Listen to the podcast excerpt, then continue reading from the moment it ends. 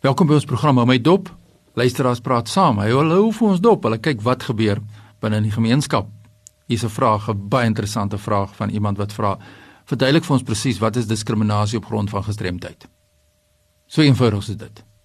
En die antwoord is eintlik ook eenvoudig as 'n mens mooi daarna kyk. Diskriminasie teen op grond van gestremdheid dui op 'n onderskeid wat 'n mens tref. 'n Uitsluiting wat plaasvind, 'n inperking of 'n beperking op die basis van 'n verlies wat jy ervaar en wat weerhou dat jy nie op 'n gelyke basis kan meeding nie. Jy het die verlies, ek het die gehoor verlies. Dis nie die probleem nie. Die probleem is die kerk wat ontoeganklik is miskien. Kom ons stel dit so. Diskriminasie word van buite af op jou afgedwing. Kom ons vat die kerk. Ek gaan kerk toe as 'n persoon met 'n gehoor verlies. Vir my kommunikasie hang af van Die feit hoe goed ek die preekstoel kan sien, hoe goed ek die lippe kan lees van die predikant. Nou staan die predikant in die donker. Daar's nie beligting op sy gesig nie, ek kan nie sy lippe lees nie. Jy sien? Dis daardie belemmering van buite. Daar's miskien so twee klein luidsprekertjies. Baie van ons bejaarde mense gaan kerk toe, hulle kan glad nie hoor wat in die kerk aangaan nie, want die gehoorapparate gee nie gehoor terug nie en die toerusting wat daar is is so ontoereikend dat hulle glad nie kan hoor nie. So dit is die werklikheid. Dis wat gestremdheid is en dis wat diskriminasie op grond van gestremdheid is. So dit is nie ou in die rolstoel wat die probleem is nie. Diskriminasie op grond van gestremdheid kom as hy by 'n gebou kom en daar's 'n stel trappe en daar's nie 'n oprit nie. Dis imposed on him in die Engels sê baie duidelik disabilities imposed on a person with an impairment in hierdie geval 'n rolstoel 'n physical impairment when the society fails to uphold the rights and the freedoms of the specific person. So jou verlies is wat met jou gebeur het. Ek het deur akustiese trauma my gehoor verloor, doof geword, dis wat met my gebeur het. Ons het verskillende forme van verlies. Minder sigbaar, soms meer sigbaar. Dis nie die probleem nie. Die probleem is die ontoeganklikheid van die gemeenskap. En ons het so baie om te doen om daardie onafhanklikheid en daardie ontoeganklikheid dan te kan meewerk dat dit meer toeganklik is vir mense met gestremthede. En hoekom wil ons dit doen? Ons wil redelike akkommodasie in plek sit. So die vraag is wat is diskriminasie op grond van gestremdheid is wanneer daar struikelblokke is sonder dat ons planne maak om mense redelik te akkommodeer.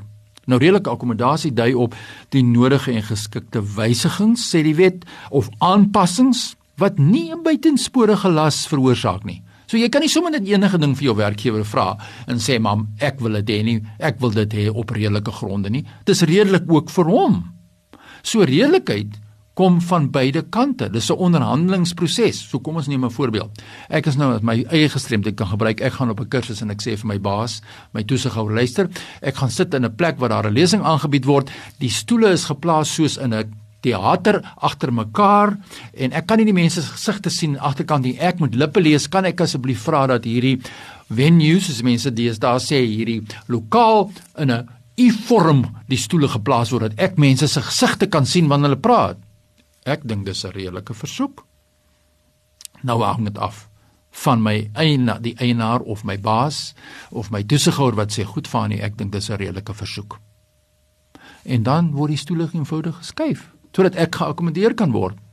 Dis mos 'n redelike versoek. Ek het nie gesê breek die plek af en bou 'n nuwe gebou dat ek die plek kan gebruik op 'n suksesvolle manier nie. Nee, glad nie. Dis nie waaroor dit gaan nie. Dit gaan oor redelikheid na beide kante toe. So die vraag is wat is gestremdheid kan nooit apart gesien word. As 'n mens net daarna kyk alleen en jy moet ook kyk. Die feit is dat diskriminasie kan weer hou word of kan oorkom word as ons bereid is om redelike akkommodasies toe te pas. Nou die uitdaging is, daar's vyf verskillende vorme van gestremdheid. Verstaan ons die redelike akkommodasie vir iemand met 'n psigososiale gestremdheid? Weet ons wat het iemand met depressie nodig om terme van redelike akkommodasie.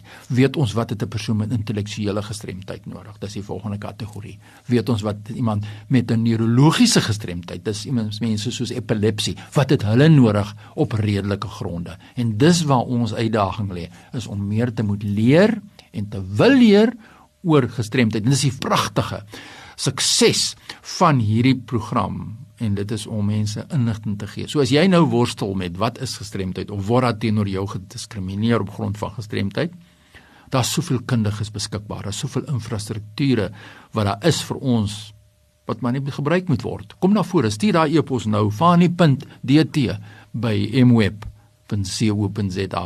Daar is kundiges op die gebied van jou gestremdheid wat maar graag vir jou sal wil help om 'n bietjie leiding te gee op jou redelike versoeke tot jou werkgewer, tot jou universiteit, tot jou hoofde by die huis vir bejaardes, almal ongeag ouderdom met 'n verliesende gestremdheid is geregtig op redelike akkommodasie. Redelik vir die persoon, maar ook redelik vir die owerhede waar daardie persoon funksioneer. Anders was dit verpligte akkommodasie en dit is nie wat die wet sê nie.